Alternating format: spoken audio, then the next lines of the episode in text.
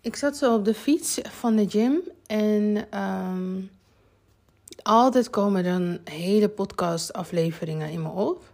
Dus en dan gelijk de tip: mocht je ergens zijn en je denkt, oh, ik heb content, ehm, spreek het in naar jezelf. Je kan dus een groep aanmaken naar jezelf als je geen uh, zakelijk nummer hebt. Ik doe het naar mijn zakelijk nummer. Je maakt een groep aan met iemand anders en dan verwijder je die persoon weer uit die groep. En dan zit jij alleen nog in die groep. en zo kan je een soort van notities bijhouden in WhatsApp. Ehm, ja, dus ik dacht eraan, dit, deze week ben ik, uh, heb ik een ander trainingsschema. Ik ga vier keer in de week trainen. En als je me al een tijdje volgt, heb ik een tijdje vijf keer in de week getraind. Uh, merendeels drie keer in de week. Maar ik merk nu dat vier keer in de week uh, nu beter bij me past bij mijn doelen. En ik doe het nu ook in plaats van einde van de middag, doe ik het in de ochtend. Gelijk uh, met twee de deur uit en dan ga ik naar sportschool. Dus tussen half negen en tien ga ik dan sporten, als het even kan. Um, want ja, als je iets nieuws implementeert, hebben op sommige dagen klanten al afspraken geboekt. Dus op die dagen moet ik het wel even aanpassen. Maar tot die tijd, uh, of in ieder geval kan ik dat uh, merendeels al doen. Um, en wat ik heb gedaan, is omdat ik merkte dat ik in de gym een soort van dacht: Jeetje, je bent te lang hier. Ik, zou, ik had maar een uur gepland. Ik had maar een uur gepland. En toen dacht ik: Maar wat is er mis met anderhalf uur in de gym zijn? Dat je je tijd neemt om die oefeningen gewoon goed te doen en af te werken en dergelijke. Wat is daar mis mee? en toen dacht ik helemaal niks.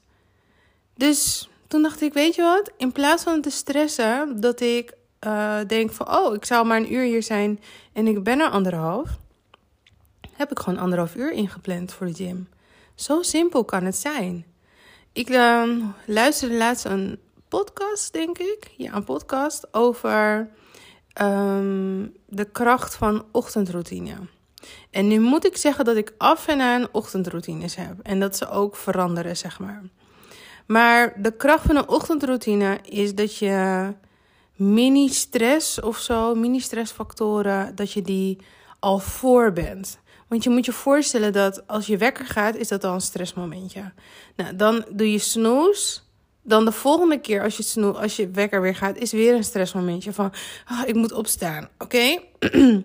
Um, en als, je dat, als jij zo'n persoon bent die vijf keer snoest, nou, dan heb je dus al vijf stressmomenten te pakken. Stel je voor, je kan er maar twintig hebben op een dag. Of laten we zeggen tien. Je kan maar tien stressmomentjes hebben op een dag.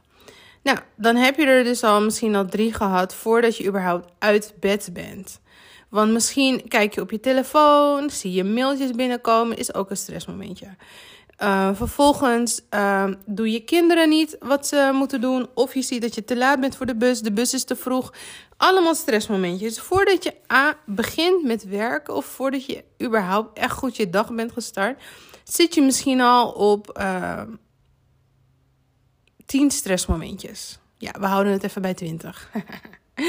10 stressmomenten. Nou, dan ga je je werkdag door. Er gebeurt ook van alles en dergelijke. Want ja, je hebt niet in de hand hoe andere mensen reageren.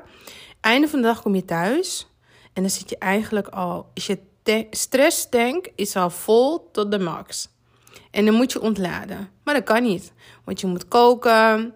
Um, misschien uh, moet je andere dingen doen. Weet je, al je bezigheden na het werk. En je kan dus nog niet ontspannen. De kracht van een ochtendroutine is dat je ervoor zorgt dat je resilience hebt voor die stressmomentjes in de ochtend. En als bijvoorbeeld zoiets simpels als in plaats van een uur, anderhalf uur inplannen voor de gym al een stressmoment kan zijn, ja, dat kan je gewoon helemaal tackelen. Gewoon door, dat, door jezelf meer tijd te gunnen. Dus wanneer jij je business aan het starten bent, want de meeste mensen zijn starters of zitten in ieder geval in de eerste vijf jaar van hun business, die naar deze podcast luisteren wanneer je aan het starten bent, met whatever je start, hè, of het nou business is of iets anders nieuws, gun jezelf wat meer tijd. Voel je hem binnenkomen? Voel je nu gewoon een soort van ontlading van ik moet mezelf meer tijd gunnen. En natuurlijk moet je helemaal niks, maar wij Surinamers praten zo. Weet je wel, gun je, je moet het. Doe het. gun jezelf meer tijd. En dan komt er veel meer rust in je schema. En dan ga je zien dat de tijd, binnen die tijd je efficiënter bezig bent. Dus in plaats van rush rush in de, in de gym uh, om alles in een uur te doen, merk ik nu dat als ik uh, nu een nieuw trainingsschema heb en ik kan het niet zo snel achter elkaar doen, omdat ik wat meer uh, rust nodig heb tussen de, um, tussen de, tussen de sets door, dan ben ik gewoon relaxed omdat ik anderhalf uur heb.